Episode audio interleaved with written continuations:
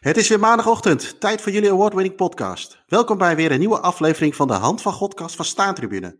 Jouw start van de nieuwe week.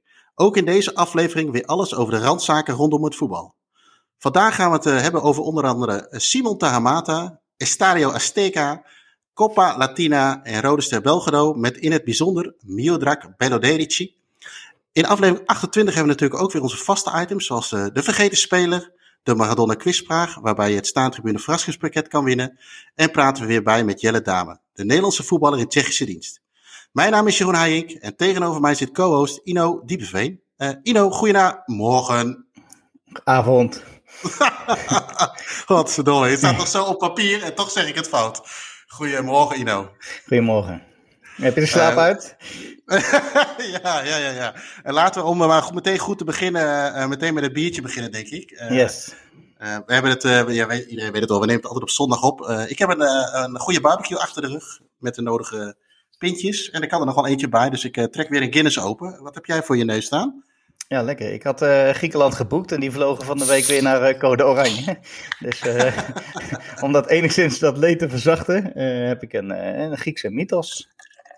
Kijk, Code proost. Oranje, dat, code, ja proost. Code Oranje is natuurlijk hartstikke mooi met het aankomende EK. Ah ja, prachtig. Le leeft dat al een beetje bij jou, Ino, of niet? Ja, begint te komen. Uh, al die mooie podcastseries uh, over al die uh, andere toernooien. Nou, ja. ja. ik weet niet of we het al mogen verklappen, maar wij gaan, wij gaan deze week ook op pad om, om daar een soort special van te, te maken. Met oranje. Ja. Mag ik dat al zeggen? wel, hè? Ja, ja, ja. En over met oranje voetbalshirts langs de EK-historie. dus het gaat wel, gaat wel leven. En, en kijk, het, het, normale seizoen is afgelopen en dan val je meestal in een zwart gat. dan heb je nog die vervelende finales die ik wederom vervelend vond deze week. Uh, dus daar gaan we ook niet al te veel uh, op in. Uh, de ene olieploeg tegen de andere. Um, we hebben nog wel wat terugblikken volgens mij op oude Champions League finales. Want we nemen altijd de week ja. door. Hè? En we kwamen het natuurlijk deze week weer heel veel tegen. Maar ik heb wel zin in het EK inderdaad. Ja, jij ook? Uh, ja, ik moet wel zeggen dat dat. Uh, ik moet het wel even naar mezelf toetrekken om, uh, om daar zin in te krijgen. Ehm, wat ik bijvoorbeeld geluisterd heb, waar ben jij ook mee bezig, volgens mij is die podcastreeks van de NPO over alle EK's vanaf 88 waar Nederland aan, aan meegedaan heeft, behalve 2016 natuurlijk. Ja. Maar waar je veel, ja, ehm, ja, hoe zeg je dat? Verhalen hoort die je misschien niet zo snel gehoord zou hebben. Hè. Ik hoorde laatst iemand bijvoorbeeld zeggen over 88 met, uh, met Rinus Michels, hè, dat hij toen bijna trainer van PSV was geworden en Thijs Liebrecht toen al bondscoach. Dat, dat verhaal, dat kende ik al wel, maar allemaal dat soort achtergrondverhalen ja. komen in die podcast naar voren. En een verhaal met Jeroen Elshoff dat hij ergens in een, uh, dat hij op een, uh, een portret van Poetin moest, uh, moest schieten in, de, in Oekraïne, dat soort dingen allemaal. erg leuk om te luisteren. En, en, dan merk je wel dat je er ja, een beetje langzaam toch wel in komt. nou ja, dan heb ik het geluk bij ongeluk ook nog wat kaarten voor het Nederlands elftal en voor het EK zelf. Dus dan daar krijg je er ook wel wat meer zin in. Uh, hoewel de helft wel is weggeschrapt. Maar goed, beter iets dan niets. En, welke, welke wedstrijden ga je? ik heb Noord-Macedonië. Ik had, ik had ze alle drie in, in Amsterdam. Maar dat is mij niet gegund helaas. maar goed, dat, dat is zo. En ik heb de achtste finale in Amsterdam. En mocht Nederland het halen, dan heb ik een kaartje. En ze worden eerst in de pool. en ze halen de kwartfinale. Dan spelen ze in Baku, Azerbeidzjan. Uh, die laten nu alleen nog mensen toe uit uh, vier landen plus de landen die moeten spelen. Okay. Dus daar heb ik een kaartje voor. En ik heb een kaartje voor de openingswedstrijd in, uh, in Italië, in, in Rome, tussen Italië en, en Turkije. ik ben er eerlijk gezegd nog niet helemaal over uit wat ik, wat ik daarmee ga, mee ga doen. reistechnisch zou het kunnen. Is het essentiële reis? Nee. Vind ik het essentieel? Ja. Ja, dus uh, ja, voor, mezelf, voor mezelf wel. Uh, maar nee, het, er zit veel, uh, even los daarvan, er zitten heel veel praktische dingen aan. Ik had het zo geboekt dat ik op de dag zelf heen zou gaan. En de dag later weer terug, omdat ik eigenlijk op, op de dertiende weer naar het Nederlands elftal zou gaan. Dus dat staat allemaal geboekt. Maar goed, je moet nu zo bij vertrek altijd een, een, een, een test doen, een sneltest. Dus ja. ook weer in Italië. Dus het is allemaal een beetje gedoe. En uh, nou ja, goed. En het zou nog zomaar kunnen zijn natuurlijk als je gaat vliegen. Eh, of, nee, het risico wat je loopt is dat je daar wat oploopt. En je doet een sneltest als je weer naar huis wil.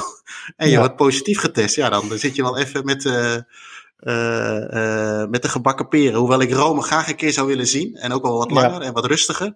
ja, zit je daar natuurlijk niet echt op te wachten. Maar, dus ik ben er nog niet, ik ben er nog niet helemaal over uit. wat ik wel heb, is vandaag een boodschap gedaan. Wij doen altijd boodschappen bij de, bij de Jumbo. En je hebt natuurlijk nu altijd die mooie, ja, mooie acties, hè, waar we de wuppies natuurlijk allemaal kenden en dat soort dingen.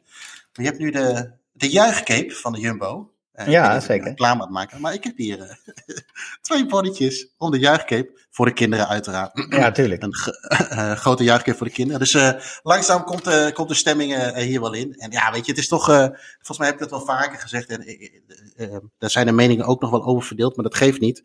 ik vind het toch altijd een, een toetje op een uh, aan een seizoen. Je hebt, wat jij net zegt, je hebt alle finales gehad. Uh, jouw club heeft iets gepresteerd of, of niet gepresteerd. Zo, het ligt er maar net aan wat je gewonnen of niet gewonnen hebt. En dan heb je één keer in de twee jaar heb je nog een eindtoernooi. Ja, dat vind ik toch wel, toch wel een van de leukere dingen ook aan het voetbal, zeg maar. Ja, dus ja, we gaan het... We gaan het meemaken. Um, bruggetje daarover uh, makende is, uh, en dat is misschien een, ja, een, een leuk ding, maar ook wel een beetje een uh, iets wat serieuze, uh, serieuzere noot daarin is, uh, ja, doe, doe, jij wel eens mee met een, met een, met een EK-pool of iets dergelijks, Ino? Ja, er zijn altijd wel wat mensen. Soms heb ik hem zelf wel eens opgezet. Of je hebt nu met Scorito natuurlijk een mooie app. Ja. Op dit moment is dat de enige waar ik nog aan meedoe. ik zag er een voorbij komen die jij volgens mij nu wil bespreken. waar ik me ook nog ja, wel even op ga geven. Van, van Wesley, geloof ik. Ja, Wesley, uh, online misschien ook wel bekend of social media als vliegende keeper. Die heeft bij elk eindtoernooi heeft hij eigenlijk wel een, een pool. nou ja, goed, wat jij al zegt, dat doen meerdere mensen natuurlijk. Maar ik wou hier nog wel even bij stilstaan. Is, is dat hij ook een pool doet waar een, een goed doel aan gekoppeld is. En in dit geval is dat het goede doel is KWF, kankerbestrijding. Ehm, nou ja, mocht je daar aan mee willen doen, ehm, ga dan even op Twitter of Instagram of misschien Facebook ook wel, dat weet ik eigenlijk niet. Maar zoek even op Vliegende Keeper. En um, dan kun je je aanmelden voor die pool. En er doen heel veel mensen mee. Nou ja, Ilo, jij gaat je aanmelden. Ik ga me ook weer aanmelden. Uh, de laatste twee edities waren een uh, groot succes. In, in 2016 ging er 500 euro die kant op.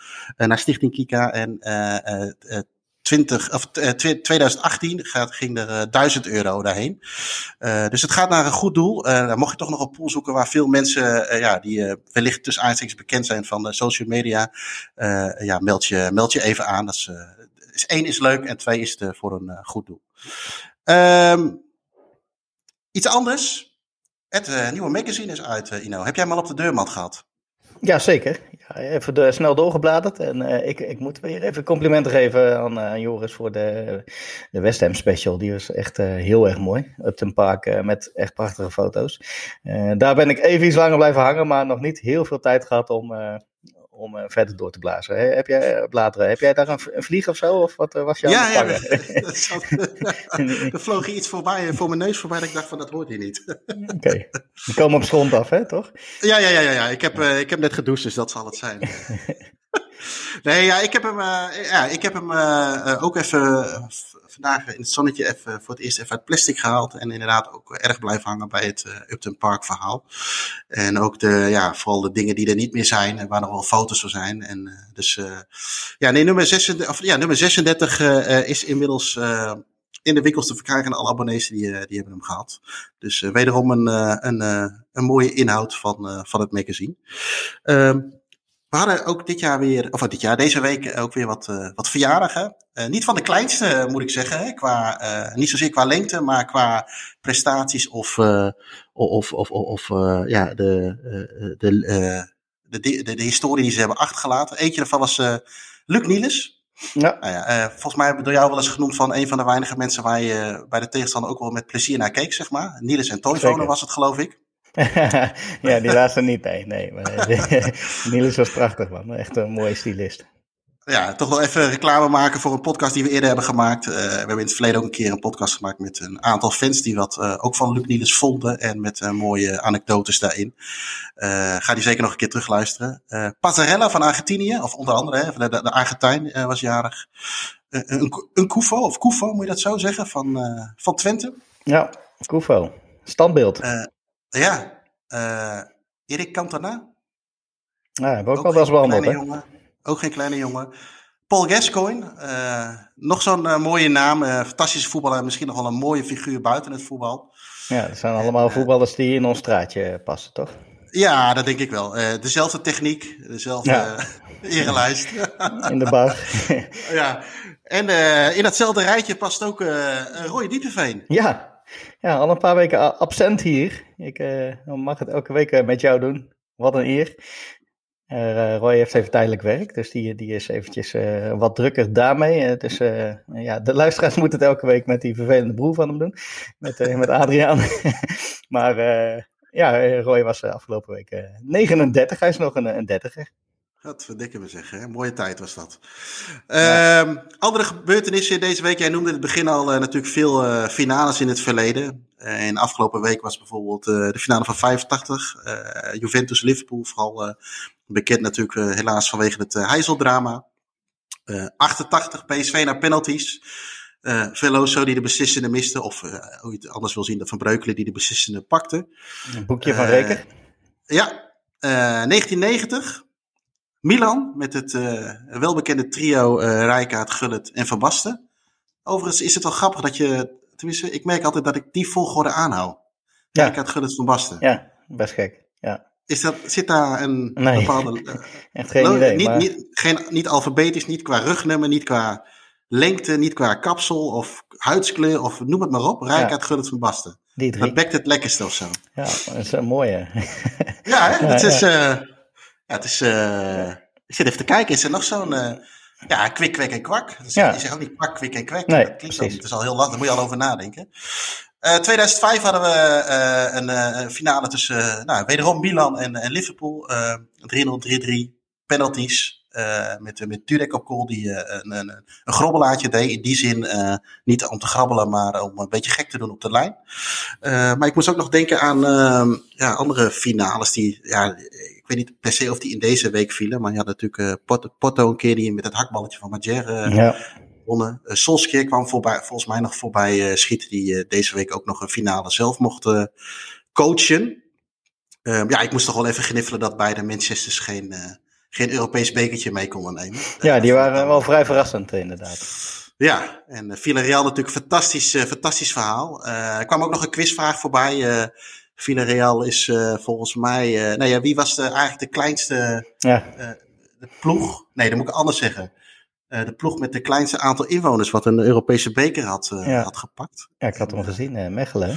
Ja, Mechelen, 37.000. En nee, even, volgens mij had Villarreal dat nu verbroken, toch? Met 50 ja, nee, Villarreal heeft er nu... En Mechelen nu, iets van 80 of zo? Of 80, sorry, ja, ja 87 ja. inderdaad. Dus dat, ja, dat zijn natuurlijk bizarre, bizarre aantallen, ik geloof. Een leuk feitje toen PSV toen ook wel, ja, is natuurlijk ook niet, Eindhoven natuurlijk ook niet de meeste, uh, toen ook niet de grootste stad. Maar uh, wel leuk om te zien natuurlijk dat zulke kleine steden zoiets kunnen winnen. En dat het eigenlijk wint van de grote jongens, hoewel het voor Chelsea natuurlijk even niet, niet gold. Maar, ja, zeker. Wie nog meerjarig was, is Simon Tahamata. Ja. ja, een held bij zowel Ajax als Feyenoord, hè? Uh, om heel veel dingen. Ik lever best wel wat uh, verhalen aan die man. Ik ben uh, even een klein beetje ingedoken en ik kom zo even op het. wil ik even wat uitweiden op wat, wat anders wat daarmee zijdelings te maken heeft.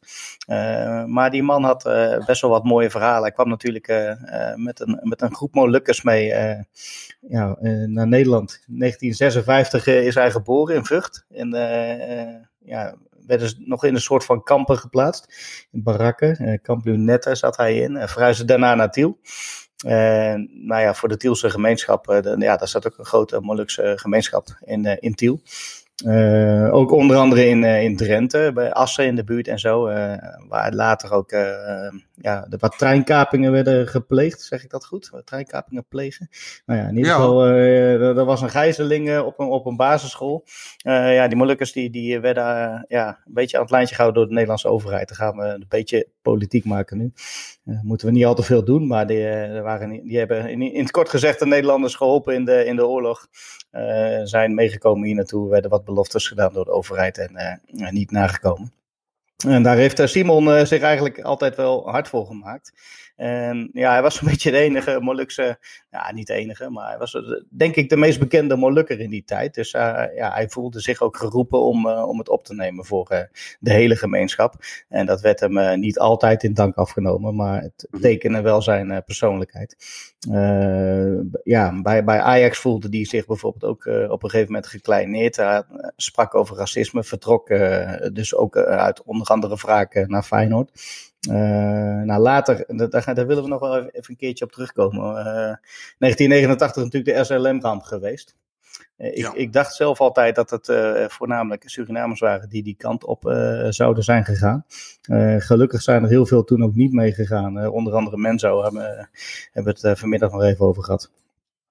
Maar Tamata zat ook bij die club die uiteindelijk niet meeging. maar goed, dat is misschien nog wel even voer voor een andere podcast om daar nog een keer dieper op in te duiken. Later is hij nog Belg geworden, genaturaliseerd tot Belg. En natuurlijk vanuit zijn tijd in uh, Standaard onder andere. Hij won daar twee titels en een beker. Bij, bij Ajax won hij ook nog drie titels en een beker. Dus hij heeft wel wat prijzen achter zijn naam staan. En toen kwam je bij Standaard in 1982 was het zover dat zij de Europa Cup 2 finale haalden. En die werd in Barcelona gespeeld. En de andere finalist was Barcelona. Dus die speelde, uh, die, speelde thuis. Ja. Nou ja, goed. Een aantal dagen eerder kon. Um, nou ja, die finale even heel kort trouwens. werd met 2-1 verloren, helaas. Van der Smissen bracht Standaard nog op voorsprong. Uh, maar helaas uh, wist Barcelona te winnen met 2-1. Uh, eh, niet een heel bekend team van Barça destijds. Udo Latek was de coach. Alex Sanko de, de captain. Yeah. bij Standaard wel een leuk, leuk team op zich. Preudom, Gerets, bekende namen. Ariaan zat er ook. Walter Meeuws, Jos Daarden. En natuurlijk onze, onze kleine Simon. Mooie dartele dribbelaar, om het zo maar even mooi te noemen. Die, die weg naar die finale van Standaard leidde langs Floriana uit Malta, Vasas Budapest, Porto en Dynamo Tbilisi, die gewoon uh, voor een Georgische club uh, in de halve finale ja. reikte, netjes. Um, ja. Maar een paar dagen eerder werd Standaard kampioen tegen Waterschei, uh, later opgegaan in Racing Genk.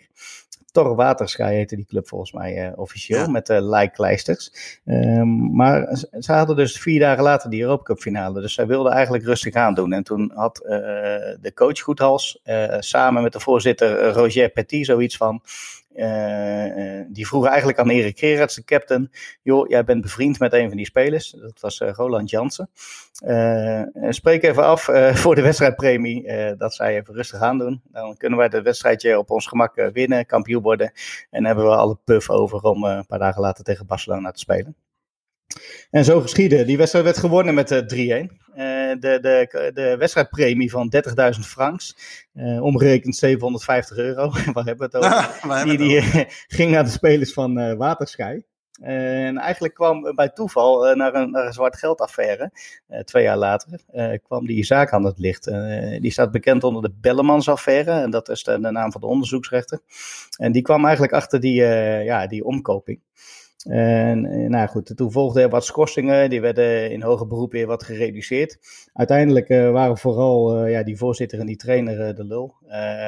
bijvoorbeeld die trainer Goedals, die, mocht, die later nog een aantal keren bij omkoping betrokken zou zijn geweest. Die heeft er niet zo heel veel van geleerd. Maar die moest twee jaar, mocht hij eigenlijk geen functie bekleden. Toen is hij naar Vitoria Guimarães gegaan, uit het mooie noorden van Portugal, vaker benoemd door ons. Uh, mooi groundtop gebied, maar dat terzijde. Um, en uh, daar uh, werd hij aangenomen als bediende, als iemand van de catering.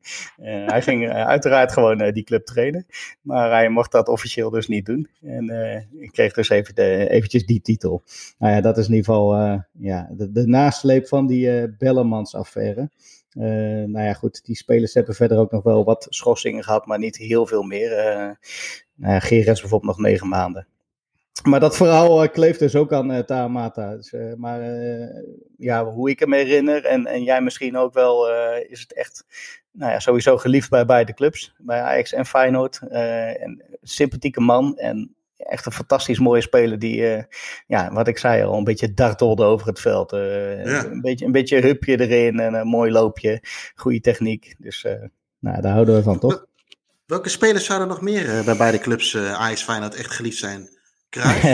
Charisteas. ja, ja, ja, nou, Arnold Scholt maar- is misschien nog wel zo iemand. Ja. ja, maar echt op dat niveau, zeg maar. Ja, niet- misschien of zo? Ja, maar die heeft nooit voor Ajax gespeeld. Eh, dus. Ja. Rob Witsche wel. Oh, Rob, oh ja, sorry, Rob. Ja, Ja, tuurlijk, tuurlijk wel. Jij wel in het begin even, ja, excuus, excuus. Had Dat ik ze die, eh, dat zijn weten. Nou ja, maar in, in de tijd van Feyenoord, dat, hij, dat Rob Wieske bij Feyenoord zat, was hij niet zo geliefd in Amsterdam. Oké. Maar goed, in- toen hij inderdaad bij Ajax zat wel. Eh, maar als je, als je terugkijkt, denk ik dat Simon wel de, de meest geliefde bij beide was. als, Ja. als ik het even zo mag zeggen. Ja, oké. Oké, nou ja, goed. eh, die zijn er dus niet eh, vergeten, zowel bij, niet bij Feyenoord als bij, eh, bij Ajax. Over wel vergeten spelers gesproken. Jim Holtewes heeft deze week weer een, een nieuwe variant gevonden. Laten we daar eventjes naar gaan luisteren.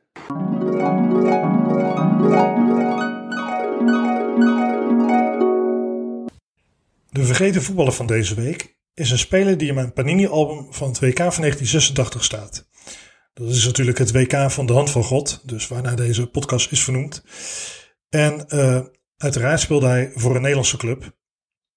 En nu hoor ik jullie natuurlijk al denken van, oh, dat zal het wel een Deen zijn. Omdat in de selectie van Denemarken veel spelers zaten die eh, in Nederland eh, hebben gespeeld. Waaronder Søren Busk, die ik ook eerder heb behandeld. Maar die, is het, die zijn het niet, die Denen. Het is ook niet de Pol Vlodi Smolarek, die in Nederland natuurlijk voor Feyenoord en FC Utrecht uitkwam. Het is ook niet een Hongaar, dus niet Jozef Kieprich of Anton Rot, die allebei voor eh, Feyenoord hebben gespeeld. Nee, het is een speler die eh, namens Canada deelnam aan 2K 86. Dus de kennis weten nu al over wie ik het heb. Niet kennis, laat ik nog even nadenken. En eh, ja, Canada speelde daar drie wedstrijden in Mexico. 1-0 verlies tegen Frankrijk, goal Jean-Pierre Papin. En twee nederlagen met 2-0, waaronder tegen Hongarije met Kieprich en Rot natuurlijk in de basis. En de Sovjet-Unie. Dus eh, Canada scoorde geen enkele keer tijdens het WK. En dat was ook eh, de, tevens de enige keer dat Canada heeft meegegaan aan de WK tot, eh, tot nu toe. Dus vrij uniek. Nou, mocht u nog, niet weten, nog steeds niet weten wie het is, dan ga ik het nu verklappen. Is Randolph Fitzgerald Samuel. Samuel. Ik ga er helemaal van stotteren. Oftewel Randy Samuel, geboren op 23 december 1963 in Port Fortin op eh, Trinidad. En eh, hij kwam op driejarige leeftijd naar Canada. En eh, ja, dat Canadese voetbal, kan ik toch wel zeggen, ben ik in mijn research achtergekomen. Dat stelde op dat moment nog vrij weinig voor. Hij heeft wel bij een paar clubs gespeeld, ook in de North American Soccer League. Vancouver Whitecaps heeft hij gespeeld met Frans Thijssen. En hij heeft bij Edmonton Eagles in Canada gespeeld. Samen met Hans Kraaij junior. En op hem kom ik zo terug. Maar toen dat WK begon, had hij gek genoeg geen club. Omdat de profcompetitie in Canada eh, al zes maanden stil lag. Sterker, die hele competitie was gewoon opgeheven. Dat stond echt nog in de kinderschoenen. Dus Canada had gewoon geen, ja, geen voetballeague. En de helft van de spelers van die selectie van Canada, van het WK, die speelden zelfs op dat moment eh, indoor voetbal. Nou, eh, die Samuel zelf, die, die had dus geen club. Wel had hij tijd om in die periode zijn studie geschiedenis af te ronden. Ik vond een ander interview dat hij een opleiding in fysiotherapie heeft gevolgd. Dus het was geen eh, domme jongen, zullen we maar zeggen. Hij voldoet niet aan het eh, cliché van domme voetballer. En, eh, maar na het WK had hij toch wel aardig gedaan. Ondanks die drie nederlagen zonder clubs voor hem in de, in de rij. Een aantal Portugese clubs. Dynamo Zagreb, Dundee United, Watford, Sheffield United en PSV toonde belangstelling voor hem. En eh, terwijl mijn Syrië hier eens aanschiet. Ehm, en PSV die, eh, die was mede op, een, op, eh, op het spoor van Samuel gekomen. Dankzij Hans Kraaij junior. Want die zei tegen zijn vader, die op dat moment technisch manager was in Eindhoven. Van nou, kopen die man pa, want dat is een gigant. En zo gezegd, zo gedaan. PSV contracteerde hem. Althans, dat werd door Philips betaald, zag ik in een interview. Ook wel grappig hoe dat toen de tijd ging. En uh, zijn debuut maakte hij op het Johan Gamper toernooi in augustus 86. Waarin PSV deelnam samen met Spurs en Milan. En natuurlijk Barcelona zelf. En hij debuteerde ook tegen Barça. Uh, niet uh, onverdienstelijk, want hij schakelde Mark Hughes uit, de nieuwe aanwinst van Barcelona, die van Manchester United overkwam. En uh, hij, ja, hij was eigenlijk plaatsvanger voor de geblesseerde Ivan Nielsen. Hij was overigens, voordat ik het vergeet te zeggen, centrale verdediger. Hij vormde ook een goede aanvulling op de kwaliteiten van Ruud Gullit, die vaak als libero speelde. Tot zover een beetje het voetbalinhoudelijke gedeelte. Nou, Cruijff senior noemde hem onverslaanbaar in de lucht. En ook Gullit was uh, over hem te spreken. Nou, een paar weken later maakte hij dan zijn debuut voor de competitie. Dat was wat minder indrukwekkend, maar wel de plek waar hij debuteerde was mooi. De lange leegte namelijk van Veendam, waar PSV met 3-0 won. Dus hij heeft een verdwenen club gevinkt. Uh, en weer een paar weken later moest PSV uit naar Eindhoven. De, of sorry, uit naar Amsterdam. De, directe concurrent natuurlijk voor de titel. En daar werd met 3-0 verloren. En zijn directe tegenstander, ja, dat was ene Marco van Basten. Die scoorde ook tweemaal in die wedstrijd. En uh, ja, bij beide goals zag die Samuel er niet goed uit. Uh, schreef zelfs een, krant dat hij volledig de kluts kwijt was. En hij werd ook in de rust werd hij gewisseld uh, door Hiddink. Guus was toen tijd de coach. Voor uh, Willy van der Kuilen. sorry, Willy van der Kerkhof natuurlijk. En ehm, ja, daarna was het eigenlijk wel een beetje voor hem voorbij. Hij heeft nog wel een paar keer gespeeld. Alleen op 29 oktober van 1986 speelde zijn vijfde en laatste wedstrijd. Ja, toen is hij niet meer aan de bak gekomen voor PSV. Wat wel overigens landskampioen werd dat jaar. Uh, er was ook een interview in uh, april 1987. Had hij inmiddels al een half jaar niet gespeeld. En toen vertelde hij ook van ja, ik was eigenlijk te snel gebracht. Ik moest Ivan Nielsen vervangen. Wat natuurlijk een gigant was. En ik sprak de taal nog niet. Ja, en niemand had over die wedstrijd tegen Ajax. Zeiden ja, niemand had mij verteld wie die Mark van Basten was. Nou, hij zat dus op de bank. En voor een niet gering bedrag, want hij verdiende maar liefst 2 ton, wat best wel behoorlijk salaris was in die tijd. Dus PSV die wilde hem graag uh, verhuren, dat deed ze ook aan Volendam. Dat was de enige club, gek genoeg voor een uh, Canadees international, die belangstelling voor hem had. Daar heeft hij twee seizoenen op huurbasis gespeeld, 87, 88 en 88, 89. Nou, Volendam wilde hem wel overnemen van PSV, alleen hij kostte 2,5 ton. En daarnaast verdiende hij natuurlijk een behoorlijk salaris. Dus hij moest eigenlijk salaris inleveren. Omdat hij anders te veel zou verdienen. En dan kreeg je weer scheve gezichten bij de andere Volendammers. Toen uh, wilde PSV hem verhuren naar Sporting Lissabon in 89. Sporting Club de Portugal natuurlijk, voordat we ingezonden brieven kregen, krijgen. Maar uh, ja, Lissabon kreeg een ander uh, bestuur. En uh, ja, opeens van de een op de andere dag stelde die, dat nieuwe bestuur geen prijs op de komst van Samuel. Toen heeft hij het nog geprobeerd op proef bij Charlton en West Ham United. Maar daarvan zei hij zelf dat hij beneden zijn niveau vond. Uh, dus ja, toen PSV zat eigenlijk een beetje met hem in de maag. Uh, toen uh, was nog wel belangstelling van Setúbal, Tottenham Hotspur en Aston Villa. Nou, geen onaardige clubs natuurlijk. Hij wilde ook aanvankelijk daarheen voor het geld. Maar uh, hij koos uiteindelijk voor uh, verrassend Fortuna Sittard in 1990, waar hij de opvolger werd van uh, Marcel Liesdek, die naar Utrecht vertrok. Nou, hij kreeg een tweejarig contract op dat moment bij Fortuna. En hij moest de strijd aangaan met een nog piepjonge Erik Meijer. Die kennelijk toen nog een verdediger was, maar later uitgroeide tot de spits van onder meer Liverpool natuurlijk. En ja, hij was daar toch wel een behoorlijke steunpilaar in, in Sittard. alleen ja, er was altijd wel wat gedoe over zijn salaris. Hij drukte behoorlijk op de begroting van uh, de Fortunezen. En uh, hij heeft nog een keer zijn contract verlengd. Dus hij heeft uiteindelijk vier jaar voor Fortuna gespeeld. En die contractonderhandelingen verliepen ook altijd moeizaam. Uh, en toen Fortuna degradeerde, toen in 94 was hij ook te duur. Nou, Bert Jacobs wilde wel hebben bij RKC. hij is op proefreis bij Motherwell. Maar ehm, ja, gek genoeg, dat was allemaal in de tijd van, van, voor het Bosman-arrest. De clubs kwamen niet uit, dus hij mocht niet zomaar weg. En inmiddels had hij al meer dan een jaar geen wedstrijd gespeeld. Totdat hij op proef komt bij Port Vale. En daar kon hij ook een contract uiteindelijk ondertekenen in november 1995. Daar begon het allemaal uh, wel, uh, wel goed. Hij scoorde meteen met zijn debuut. Een 1-1 tegen Watford op Vale Park. Alleen uh, einde van datzelfde jaar, 95, kreeg hij knieproblemen. Is hij wel van hersteld. Maar toen hij eenmaal weer uh, terug was, toen kwam hij niet meer voor in de plannen van de, de manager, John Rudge. Dus het bleef hij tien optredens voor, uh, voor Port Vale. In 95, 96. Ja, daarna is min of meer zijn carrière als een nachtkaars uitgegaan. Hij heeft nog gespeeld bij het Noorse Harstad. En hij heeft bij ja, een paar teams in Noord-Amerika en Canada gespeeld op wat lager niveau. Uh, clubs waarvan ik nog nooit gehoord, van, van, waar, waarvan ik nog nooit gehoord heb. Vancouver 86ers, de Hampton Road Mariners, de Montreal Impact. Nou, niet echt clubs die een impact maken op mij.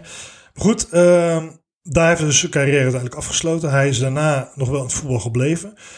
hij is hoofdtrainer geweest van onder meer Lobbens FC in de Vancouver Metro Soccer League. Ik weet niet wat dat voor niveau is. Hij is nog coach geweest van verschillende jeugdteams. Hij heeft een voetbalschool gehad, vond ik. Maar wat ik wel aardig vond om mee af te sluiten, hij staat wel voor altijd in de Hall of Fame van het Canadese voetbal. Want hij is lange tijd record international ook geweest van Canada. Maar liefst 82 keer kwam hij in actie voor eh, de Canadezen tussen 1983 en 97. En hij werd pas in 2010 ingehaald door een andere international. Zou een mooi prijsvraagje kunnen zijn, waar het niet dat we de Maradona-prijsvraag al hebben. Maar jullie mogen het alsnog wel uh, tweeten of uh, mailen, alleen je krijgt lekker niks. Uh, en uh, daar is ook een grappig filmpje van, dat maar een minuutje duurt. Dus ik laat aan mijn collega Jeroen over of hij het hele filmpje laat horen of alleen het volgende fragment. Want wat ik daarin vond was wel aardig. Uh, dat gaat dus over het feit dat hij in de Hall of Fame staat. En dat hij uitkwam voor, en dat zal de mensen in Eindhoven en omgeving goed doen, de World Famous Dutch Club PSV. Dus dat vond ik wel grappig om even te horen. Dus Jeroen, gooi hem er maar in. Born in Point Fortin, Trinidad, Randy Samuel grew up in Richmond, BC, and played for Richmond South Warriors before being selected by the Vancouver Whitecaps in the 1981 North American Soccer League draft. However, he never signed for the Whitecaps and in 1983 moved to Edmonton to play for the Eagles in the short lived Canadian Professional Soccer League. In that year, he made his full international debut for Canada against Honduras, his first of 82 full internationals, a record for a Canadian male player. Those 82 full internationals include 35 games in World Cup qualifying, one of which was the game in St. John's, Newfoundland in 1985 against Honduras, which clinched Canada's place in the 1986 World Cup. In Mexico, he played in all three games at centre back, then moved to the Netherlands to continue his club career, where he played for the world famous Dutch club PSV Eindhoven, and then for Volendam and Fortuna Sittard. Later, it was across the channel to play for English club Port Vale before moving on to Norway to play for Harstad, and then to the United States to join the Hampton Roads Mariners of the United Soccer League.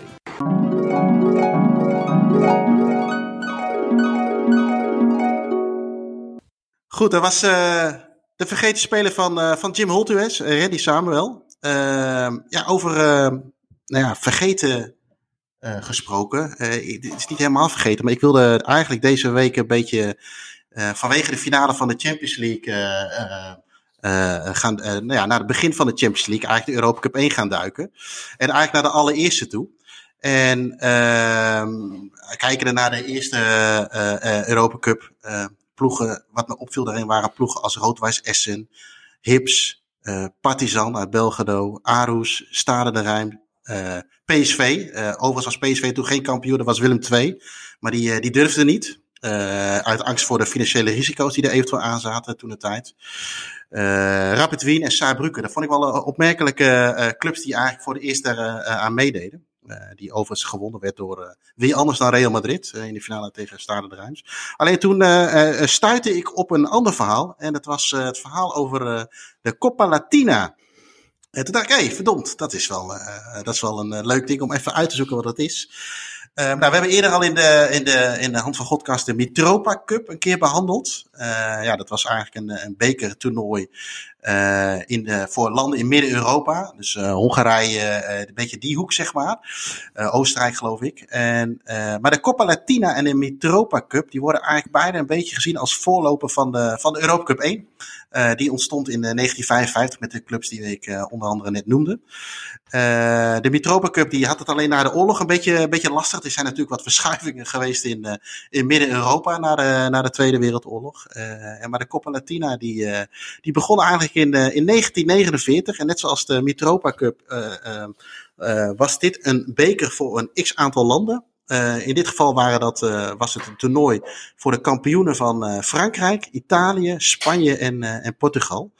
Ehm, en dat toernooi werd eigenlijk altijd ook ja, werd dat aan het einde van het seizoen gespeeld. En in eerste instantie bestond dat uit een, een halve finale, een finale en een troostfinale. ja, troostfinale heet dat geloof ik. Hè? Een wedstrijd op de derde en vierde plek.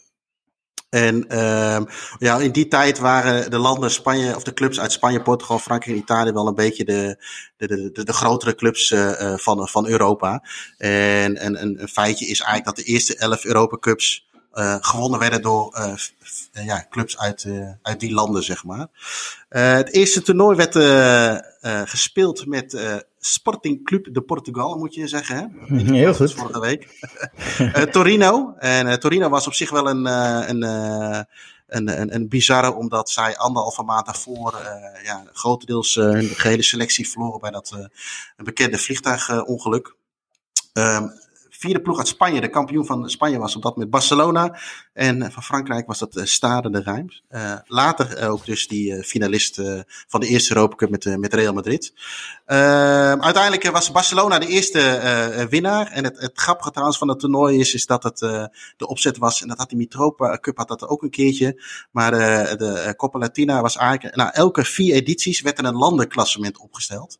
En dan kon je als, als bond, als land ook weer een beker winnen. Dus je kon als club een beker winnen. Overigens uh, moet je maar eens googelen. De Copa Latina is niet eens zo'n vervelende beker. Uh, maar ook uh, het land kon dus winnen. Dus als je winnaar was, dus Barcelona won de eerste, kreeg Spanje vier punten. Plek twee, drie, nou, et cetera. Kijk, zo'n zo'n festival eigenlijk. Ja, zoiets, zoiets. En dan, uh, uh, zoiets moet je misschien zien. Uh, nou ja, goed, het toernooi sloeg op zich wel aan. En het is ook wel, als je erover nadenkt, een beetje een voorloper natuurlijk van de Europa Cup. Kampioenen in één toernooi. Ehm, in 1950 werd het, werd het nog een keer georganiseerd. toen hele andere teams, Lazio Bordeaux, Atletico Madrid en, en Benfica. En toen deed ook de eerste Nederlander mee, Bertus de Harder. ik kende hem nog niet, maar hij deed mee ehm, voor, voor Bordeaux. Hij raakte helaas in de halve finale geblesseerd. Uh, waardoor hij uh, in de finale niet, uh, niet mee kon doen tegen, tegen Benfica. die finale werd overigens gelijk gespeeld, zelfs na verlenging. hadden ze een replay, die werd ook weer gelijk. En de verlenging bleef de stand ook weer gelijk. En toen werd er een sudden death gespeeld in 1950 dus blijkbaar al. En uiteindelijk viel het winnende doelpunt na 26 minuten voetbal. Uh, ik had altijd het idee dat die Sudden Dead pas, uh, ja, die, uh, hebben, de golden goal, zeg maar, dat idee, veel later was. Maar blijkbaar is er eerder gebruik van gemaakt. Kijk. een jaar later ehm, ja, was er nog een Nederlander die meedeed om de strijd van de Copa Latina. Dat was ja, best wel een bekende naam. Cor van der Hart, Nederlands international, speelde op dat moment voor, voor Lille. Die waren overigens geen kampioen, die, dat was Nice op dat moment. Maar ze hadden wel hetzelfde puntaantal en Nice die, die wilde niet. En uh, zij uh, speelde in de finale tegen uh, AC Milan met de bekende voorhoede Grenoli.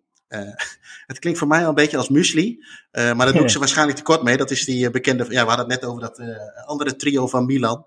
Gunnar Gren, Gunnar Nordal en Niels Liedholm als ik het zo met mijn Zweedse tongval mag uitspreken. Die, die wonnen uiteindelijk door de finale met 5-0 te winnen. Um, nog een andere Nederlander was in 1953. Uh, nog een bekende naam overigens, Bram Appel. wederom namens een Frans team. maar dat toernooi was al wat, wat minder minder populair. Weinig kampioenen waren erbij. Dus deden er veel teams mee die tweede werden.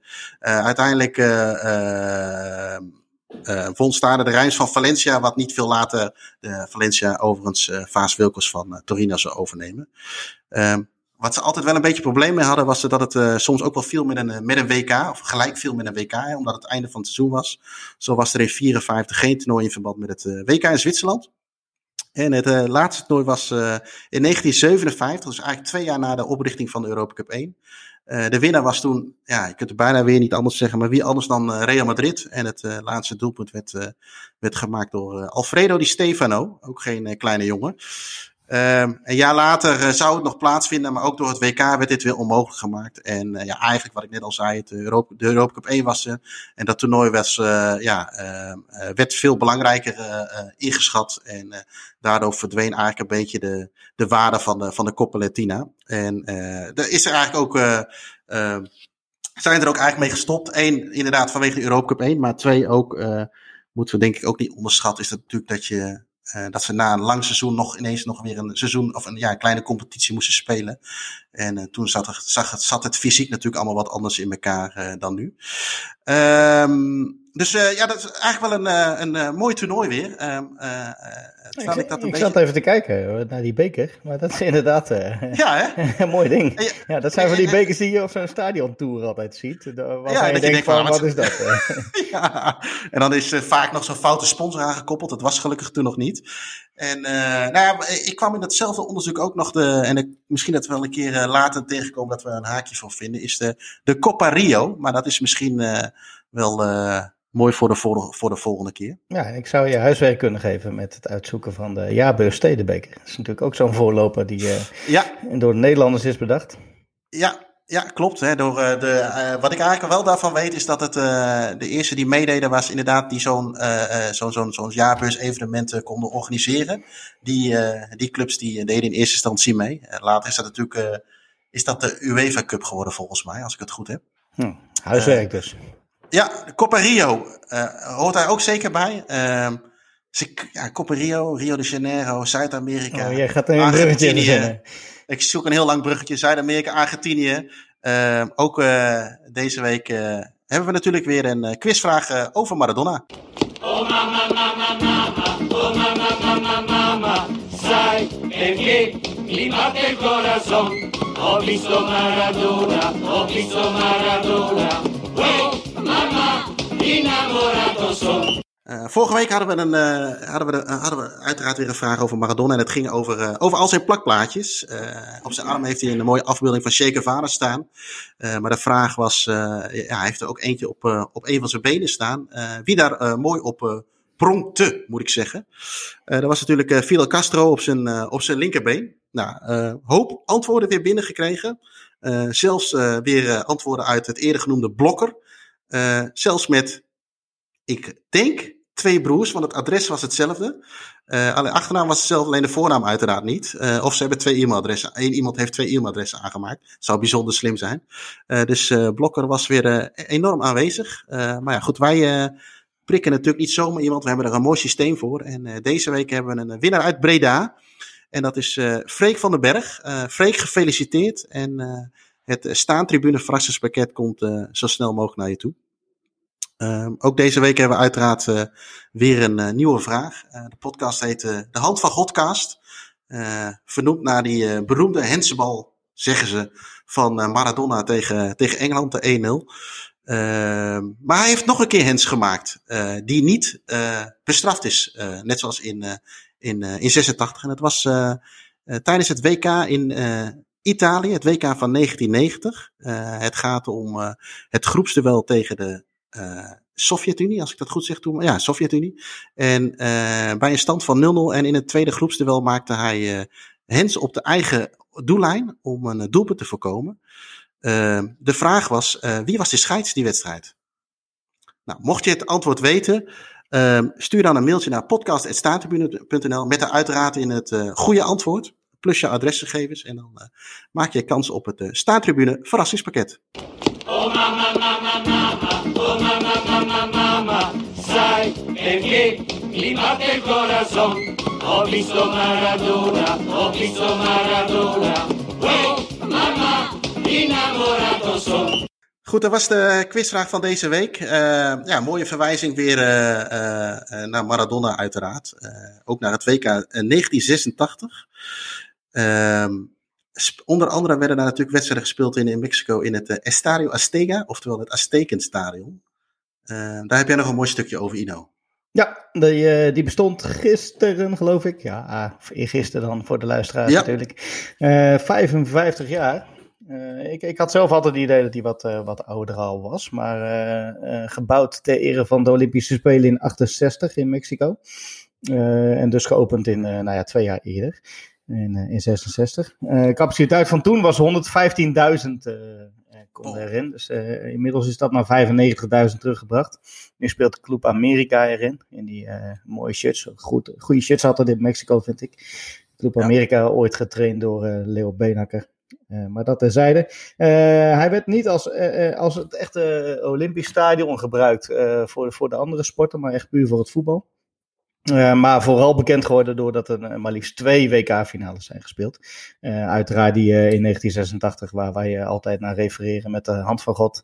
en de solo van Diego, waarin zijn, zijn genialiteit en, en karakter samenkwamen in die wedstrijd. Um, en nou verder in, in dat was nog wel grappig, want er zijn in, in WK 70 10 wedstrijden gespeeld in dat stadion, behoorlijk veel.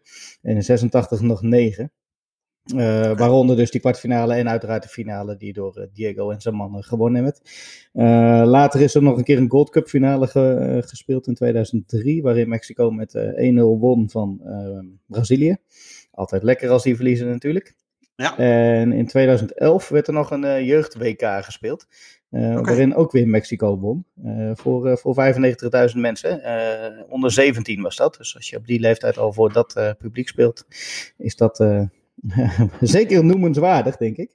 Ja. Uh, en trouwens, voor die Olympische Spelen in 68 uh, uh, speelde Mexico ook om de derde, vierde plek tegen Japan. Die werd verloren. De finale werd gewonnen door Hongarije tegen Bulgarije met 4-1. Dus uh, dan hebben we in ieder geval de, de grotere wedstrijden benoemd op die van WK 1970 na. Want daar wil ik even wat dieper op ingaan. Finale werd toen gespeeld tussen Brazilië en Italië. Die eindigde in 4-1. Verder niet zo ja, uh, ik, wil, ik wil meer eigenlijk op de wedstrijd van de eeuw ingaan. Uh, zoals die bekend staat, vooral in Duitsland uh, en Italië. de jaar 100, of das, is dat das? Jaar 100 spiel? dat weiß ich niet. geen Ahnung, maar die Partita del Secolo, de, de wedstrijd van de eeuw in Italië ook bekend. dat was de halve finale die daar werd gespeeld. Ook weer voor die 115.000 mensen. En die eindigde uh, in 4-3 na verlenging. Maar het mooie aan die verlenging was dat er maar liefst vijf keer werd gescoord. De, de, Duitsers maakten pas in de 90ste minuut 1-1. Uh, en, toen, en toen werd er verlengd. En toen kwam, uh, kwam er even een mooie verlenging aan. 1-2 door Gerd Müller, 2-2, 3-2 door Riva, Luigi Riva, ook zo'n mooie bekende speler uit het oude Milan-team. En toen werd het nog 3-3 wederom door Gerd Müller, dat was zijn tiende dat toernooi. En uh, in de 111e minuut maakte Gianni Rivera de 4-3. Dus dat is, uh, nou ja, die wedstrijd staat dus wel bekend als uh, de wedstrijd van de eeuw. Die werd dus ook in het Azteken Stadion gespeeld. Dus daar hebben we nog wel wat mooie potjes plaatsgevonden. Ik was ja. nog even in het toernooi verder gedoken. Uh, Beckenbauer die speelde trouwens die wedstrijd uh, uh, in de Mitella. Dat, dat zie je tegenwoordig ook niet meer. Die had zijn sleutelbeen gebroken. Dus ja, dat, uh, het feit dat Duitsers altijd piepen en mouwen, en dat ging toen even niet op. Maar uh, we mogen niet te veel anti-Duits zijn. Hè? Dus, uh, nee, nee, nee, nee, nee, Gaan we dan ook mee stoppen vanaf nu weer. Maar we hebben het weer even gehad. ja. En wat verder, uh, dat toernooi van 70 staat verder wel bekend om een aanvallende voetbal. Nou ja, uh, Brazilië was natuurlijk daar het uh, mooiste voorbeeld van. toen ze nog ja. wel mooi voetbal speelden. er werden geen rode kaarten gegeven, dat hele toernooi. Dus dat is ook wel een, een mooi feitje. En er waren voor het eerst wissels mogelijk. Dus uh, nou ja, ook wel een leuke natuurlijk. Uh, maar waar ik ook nog even een klein stukje op verder wil gaan, is uh, het feit dat er toch nog een Nederlander aanwezig was dat toernooi. En dat was namelijk een scheidsrechter, Lau, van Laurens, van Raven, als ik het goed mm -hmm. zeg, van Ravens. Ja, van Ravens is het. Um, en die, die floot dus dat toernooi. Um, die Lau die staat voornamelijk bekend om, om twee grote blunders die hij op zijn naam heeft staan. Een soort, bro soort brookhuis. ja, dat mag je niet meer zeggen. Hè? Dat is een topkeeper. Uh, goede clubkeeper. Ja, daar ga je gewoon echt een fout in. Uh. Ja, jij bent gewoon...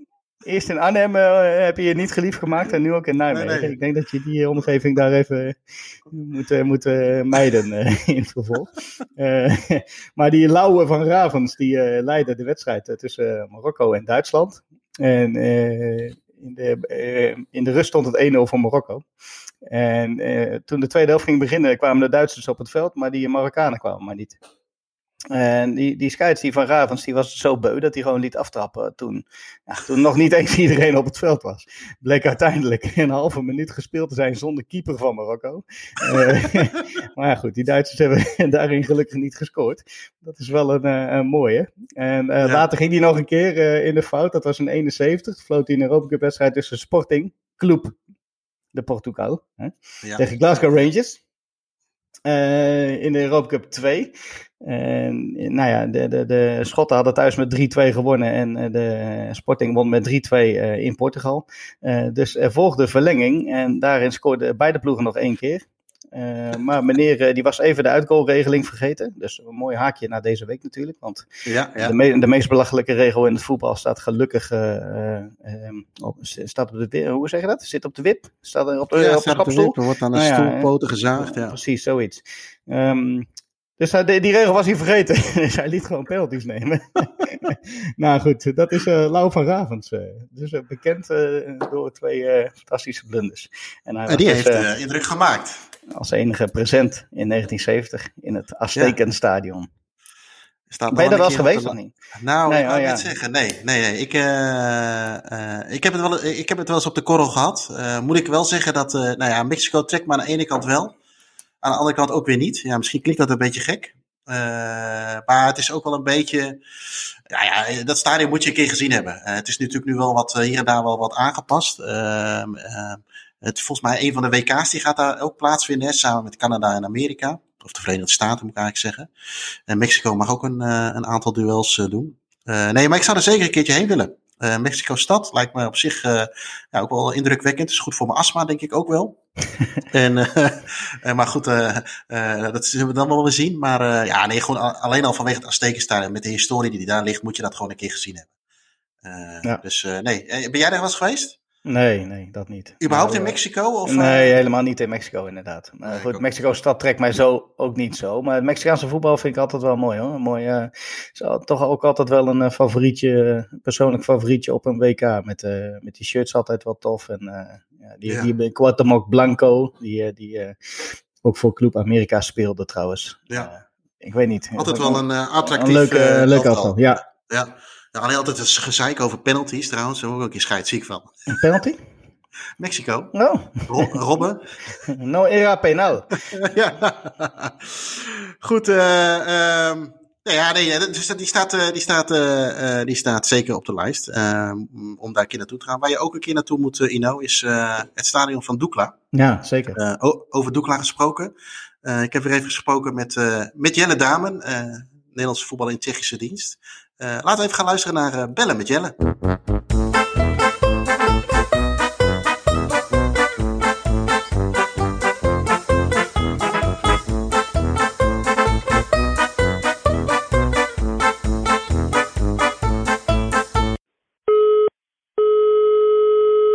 Ah, Jeroen met Jelle. Hey Jelle, goedemiddag jongen. Hey, goeiedag, goeiedag. Hoe is het? Nou, ja, gaat goed, gaat goed. Ik weet niet of je dat nog nog hoort, maar... Volgens mij uh, moet ik een beetje jaloers op jou zijn, of niet? Ja, ja dat denk ik ook wel, ja. Dat uh, zou ik me heel goed kunnen voorstellen in ieder geval. nee, ja, ik zit hier bij Doekla Praag tegen Slavoj dat. Ja. Ja, en dat is natuurlijk een prachtig stadion. Het voetbal, nou, houdt nog niet over, laat ik het zo zeggen. Het is wel 1-0, maar verder is het nog niet veel. Maar ja, het is zo lekker om hier gewoon te zitten. Je kijkt gewoon, ja, als het voetbal niks is, dan kijk je gewoon lekker zo over de stad uit. Dat je prachtig uitziet. Ja. Ja, en het, en het is een mooi stadion. Nou ja, je bent er ook geweest natuurlijk. Wat, hoe zit het nou nu met, uh, met, met uh, er wordt gevoetbald, hoe zit het met de supporters of met, met, met het publiek? Hoe is dat nu in Tsjechië? Nou, het is allemaal beperkt publiek. Dus ja, voor de meeste clubs, of zeg maar voor, de, voor Slavia en, Sparta Praag en zo, ja, daar kom je er eigenlijk niet tussen. Behalve als je iemand kent. Maar ja. dus ik ken er iemand bij Sparta, dus daar ben ik wel een paar keer geweest. Uh, maar ja, bij Dukla, ja, dat is zo'n enorm stadion. Dus ja, dat maakt niet uit als er maar een beperkt publiek is. Want het is altijd al beperkt publiek. En het is zo'n ja, enorm groot stadion. Dus uh, ja. ja, maar ja, de tickets moesten wel op je naam staan. Dus de enige manier om aan een kaart te komen was om een, uh, een permanent kaart, dus een seizoenskaart te kopen. Oké. Okay. Die was, die was dan wel maar, maar nou, een tientje of zo. Ja. Dus, uh, oh, Jezus man. Maar ja, af en toe gaan hier dingen fout bij die voetballers, dat is niet normaal. Maar, uh, dus, uh, dus uh, ik denk, nou, dan koop ik lekker seizoenskaart. Dus een heel goed seizoenskaart voor, voor één wedstrijdje hebben we. Dus ja. hartstikke leuk. Maar dan zou je eventueel potentieel ook nog andere wedstrijden kunnen pakken in de toekomst. Ja, nou ja, het is de laatste wedstrijd van het seizoen. Dus, oh, dus, zo, ja, ja, alleen voor dus, ja, dus, ja. dus het is, het is maar één, één wedstrijd. Dus, want ik zat al eerder te kijken, maar toen was de seizoenskaart was nog gewoon, weet ik wel, 30, 40 euro of zo. Dan denk ik, ja, ja. dan ga ik het niet doen. Maar, uh, maar toen heb ik even gebeld voor de laatste wedstrijd. Ze zei, ja, je moet gewoon een seizoenskaart en dan, dan kan je die ene wedstrijd nog, nog bezoeken. Ik denk, nou, prima. Dus uh, zo zijn we, zijn we binnengekomen. En, hey, en zijn we er weer. Ja, wat jij terecht zegt, hè. Volgens mij heb ik jou daar voor de eerste keer, een keer ontmoet, denk ik, bij Doekla. Ja, ja, en, zeker weten. Beter dan op een schimmige parkeerplek ergens uh, langs de A1. uh, maar, uh, maar het was voor mij de eerste keer. Maar wat maakt het stadion zo, zo bijzonder voor jou? Nou, het uitzicht. En gewoon, ja, de locatie. En dat het is eigenlijk veel te groot voor de club. Maar misschien hebben ze waarschijnlijk vroeger ja, hadden ze echt zo'n groot stadion nodig. Maar ja, nu, nu niet meer. En ja, dat uitzicht dat is wel echt uniek. Het ligt echt op zo'n heuvel. En je zit hier gewoon echt op dus één hele grote tribune, dat van de hoofdtribune. En de rest is, zijn allemaal gewoon ja, terraces, dus het is allemaal gewoon staantribunes. Nou, dus ja. Er, staat, ja, er staat een handjevol mensen, verder niks. Dus ja, gewoon al die, al die dingen bij elkaar maken het gewoon heel bijzonder. En ik uh, ben blij dat ik hier nog een keer, uh, hier nog een keer bij kan zijn bij een wedstrijd. Ja. Dus dat, dat is gewoon mooi. En, en uh, is de catering ook weer open of is dat allemaal nog wat Ja, ja, ja, zeker, zeker weten. Ik, uh, ik ga zo zeker nog even een, een klobassaatje halen. Ik, een goede worst. De pikante versie. Dus de pikante, pikante worst, die, ja. die zijn hier zeker goed stadion voeren. Maar ja. je, had, ja, je had hem hier ook op, toch? Ja, ja, klopt. En ik, volgens mij hebben we er in, ook in het magazine ook een stukje aangeweid. Ja. ik vond ja. dat een van de betere die ik in Tsjechië tot nu toe gehad heb. Ja. Ja. En uh, met een heerlijk biertje erbij is het natuurlijk helemaal goed toe. Want uh, uh, ik weet niet hoe bij jullie is, maar bij ons is het weer nu redelijk aan het aantrekken. het wordt eindelijk een beetje lente. Ja. Die heb je eigenlijk, eigenlijk niet nodig. Nee, en, precies. En wat zijn, hoe, zijn, hoe zien de plannen er bij Praag Raptors uit? Ik zag er wat trial-wedstrijden voorbij komen. Ja, ja dus die, die zijn geweest. Dus we hebben wat proefwedstrijden. Nou, er zijn een paar spelers die, ja, denk, ja, misschien dat er, ja, weet je, er komen best wel veel spelers op af. Maar ook spelers die je ziet dat je denkt van, ja, Weet je, je bent helemaal niet fit. Of weet je, dus dat je denkt, nou, je kan, of, of je kan helemaal niet voetballen. Dus heel veel zijn afgevallen, zeg maar. Maar er zijn ook een paar die, uh, die waren wel goed. Dus die, uh, die zitten dan wel bij de selectie. En dan uh, gaan ze een beetje, ja, kijken. Volgens mij is nu een beetje het idee dat het A en B-team een beetje gewoon gelijk is. En dat we dan per wedstrijd gaan kijken van wie, ja, wie in welk team gaat spelen straks als het seizoen weer begint. Ja. Dus, dus dat, dat komt eraan. En ja, binnenkort komt natuurlijk ja, komt er ook iets uh, over een, een uh, Phoenix, uh, volgens mij is het iets van de Phoenix Tournament. Phoenix Cup. Ja. En dat, dat gaat een, een toernooi worden.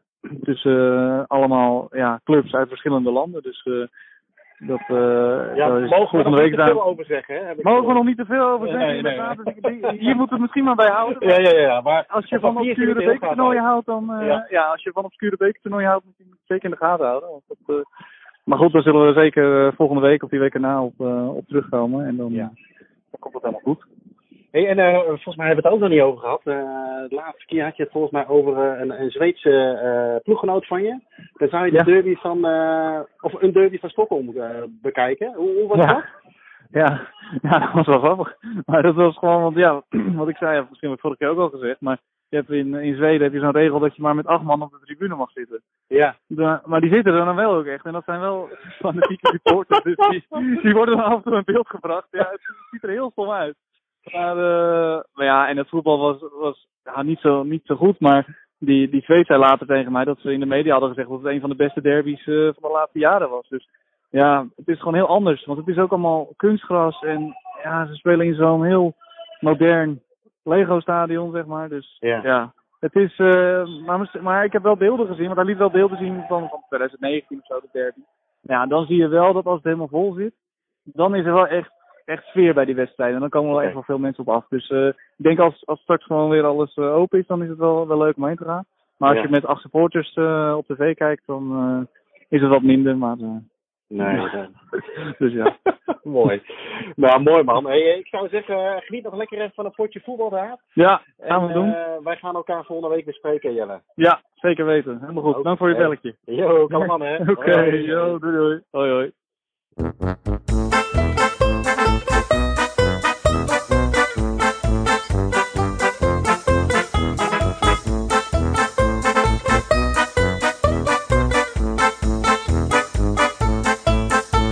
Nou, uh, dat is wel iets om uh, enigszins inderdaad uh, jaloers op te zijn. hoewel de competitie natuurlijk een beetje afgelopen is, kon je daar even lekker naar de voetbal toe met een biertje en een wasje in de hand. ja, veel beter kun je het eigenlijk niet krijgen. Ehm, dit jaar was het, of deze week, ik blijf het dit jaar zeggen. misschien moet ik maar eens van die Guinness afblijven. Guinness, zei ik dat? Rode Ster die won 30 jaar geleden de Europa Cup 1. Uh, ja, ik uh, zat daar een beetje in te duiken, in die, zo überhaupt in die Europa Cup. Uh, ook vanwege het eerste seizoen en die Coppa Latina.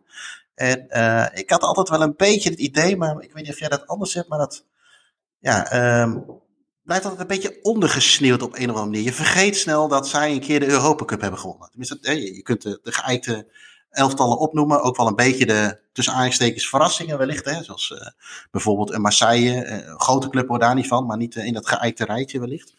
Maar Rode Ster die viel daar eigenlijk een beetje buiten. Niet zozeer dat je het vergeet, maar als je dan het lijstje ziet, of je hebt zo'n fotootje met de laatste uh, 30 winnaars en je ziet dat logootje staan van hun, denk je, oh ja, verdomd, die ja. hebben in 91 ook. Ja. Het, uh, maar mooi elftal, goede spelers. En, ja, en, ik denk dat het land lag toen natuurlijk helemaal op zijn gat. Hè? Dus uh, er was van alles aan de hand. Dus ik denk dat het daar ook wel uh, wat mee te maken heeft. Nou ja, dat is natuurlijk ook wel een beetje de, uh, uh, de vraag: wat als? Hè? Wat als dat land bij elkaar gebleven was? Wat als dat team bij elkaar gebleven was? Want je had het over jongens als uh, Jugovic, Prozinecki, Savicevic, Panchev. Hè? Die hebben allemaal later individueel hun stempel gedrukt op de, op de historie van het voetbal. maar die hebben dus samen wel die Europa Cup 1 gepakt. door in de finale Olympique Marseille te verslaan. Die finale was overigens. Uh, maar dat, daar kom ik straks nog eventjes op terug waarom dat was. Uh, maar zij speelden overigens in de, over stadions gesproken. Uh, in het fantastische stadion van Bari. Die, met die, die, die, die hele ja, grote ja, allemaal die losse tribunes, toch? Ja, ja en daar werd die, werd die finale gespeeld. En we hebben eerder al een keer de, de, de tegenstander uitgelicht in de hand van Godkassen, Marseille. Die wonnen die gekke kwartfinale tegen Milan, waarin de return dat licht uitviel. Uh, maar terug naar Rode Ster. Uh, ze schakelden uh, Grasshoppers, Rangers, Milan en Bayern uit. Zeker de laatste twee geen kleine jongens. dus zeker een verdiende finale plek. En ja, om even terug te komen op, dat, op die saaie finale. Dat, dat had er eigenlijk mee te maken dat hun toenmalige coach, Ljubko Petrovic, eigenlijk die hele wedstrijd zo inging. Hè. Ze hadden natuurlijk voetballers die enigszins wel technisch vernuft waren, om het maar even zo te noemen. Maar hij ging die wedstrijd eigenlijk in van, we gaan die wedstrijd killen, we gaan voor de penalties. Nou, dat is op zich best wel een, een, een opmerkelijke instelling natuurlijk. Want penalties blijven toch altijd een beetje een soort van loterij, zou je denken. Maar zijn insteek was op zich ook wel weer uh, ja, wat, van te, wat van te zeggen. Want in de toenmalige competitie in Joegoslavië werd bij een gelijkspel altijd de wedstrijd afgesloten met penalties om toch een winnaar aan te wijzen. En hij dacht daardoor dat zijn spelers beter gewend waren aan de situatie en aan de druk van het, van het nemen van penalties. Nou ja, goed, uiteindelijk heeft hij, heeft hij gelijk gehad. En een winnende coach heeft altijd gelijk, is een is volgens mij een regel in het, in het voetbal. Maar ja, dat is best wel, best wel een grote gok natuurlijk geweest. Ja, het is niet zo dat de Gea daar bij de tegenstander op doel stond. Nee, nee, nee, nee, nee, zeker niet. Zeker niet. Stojanovic stond daar al op het hok. Om maar even een keeper te noemen. Um, een van die spelers die ook raak schoot was Miodrag Belodedici. Uh, of Belodedic. En waarom ik dat zeg is, uh, nou ja, hij was in, uh, in Roemenië geboren, maar weliswaar in een gemeente met heel veel Serven. En hij is zelf ook van, van Servische afkomst. En hij was libero van beroep. nou goed, uiteindelijk belandde hij op 18-jarige leeftijd in, in 1982 bij Steaua Boekarest. Nou, ook geen kleine club, lege club overigens. Maar die hadden al zes jaar de titel niet meer gewonnen. En die hadden zoiets van, we moeten eventjes gaan doorselecteren. En uh, hij, uh, uh, Miodrag Belodedic was een van de jongens die, daar, die daarbij kwam. En vanaf 85 wonnen ze vijf keer op rij de titel. In die tijd moet ik altijd wel even een beetje denken van, ja, goh, is dat allemaal heel erg uh, legaal gegaan? Maar oké, okay, ze hebben me vijf keer gewonnen, maar ze hebben ook één hoogtepunt gehad. Op dat moment Steaua Boekarest, met dus die Bello Dedici in, in het team. En was het wonder van Sevilla in 86 over Europa Cup 1 finales gesproken. in Spanje won Steaua Boekarest ten faveur van het Barcelona van Terry Venables. 0-0. En ook weer penalties. Uh, ja. Lacatoes. nou ja, ook dat, uh, ook die. Uh, die zat er ook bij. En ook de latere trainer van bijvoorbeeld Antwerp, Beleuni, als ik het goed mag uitspreken. maar held van die dag was de keeper van uh, Steaua Boekarest, Helmoet Dukadam. Val ook overigens hele mooie verhalen over te vertellen. Kunnen we wel eens een keer bewaren voor een, voor een andere podcast. Um, Europa Cup 1 gewonnen. Grote helden natuurlijk. maar het land zat natuurlijk vol spanningen met, eh, met eh, Nicolae Ceausescu aan de macht, eh, dictator van beroep. en Belo Dedici besloot uiteindelijk het land te ontvluchten in 88. Eh, via de zoon van eh, die eerder genoemde dictator regelde hij een uh, paspoort, weliswaar met een smoes. Hij zei dat zijn moeder in, in Servië zat en dan zou die, die wilde hij ophalen. En, en hij zou er maar een weekje blijven en weer terugkomen. Maar dat laatste besloot hij gewoon, of had hij waarschijnlijk al besloten, maar heeft hij niet gedaan. En hij kreeg vanuit Roemenië ook een, een gevangenisstraf van wel tien jaar vanwege landverraad. Nou, eenmaal in Servië uh, aangekomen, uh, ging hij een keer naar Rode Ster toe en uh, klopte bij die club aan, aan de deur of, hij, of ze nog mensen zochten. nou, dat, ze konden nog wel een Libro gebruiken. Hij was overigens nog wel een jaar geschorst, vanwege contractbreuk uiteraard. leefde hem wel de bijnaam op Fugitive Libero.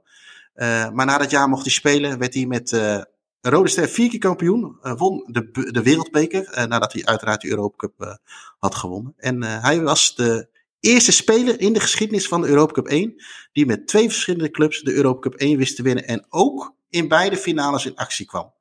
Uh, nu ga ik even een feitje opnoemen die ik zelf niet wist. Maar mochten er mensen denken van ja, maar doelman Jimmy Rimmer won de Europa Cup ook tweemaal. Maar kwam namens Manchester United uh, in 68 niet in actie. Wel met Aston Villa in 82. Dus voor alle feiten, feitenneukers, uh, het klopt niet.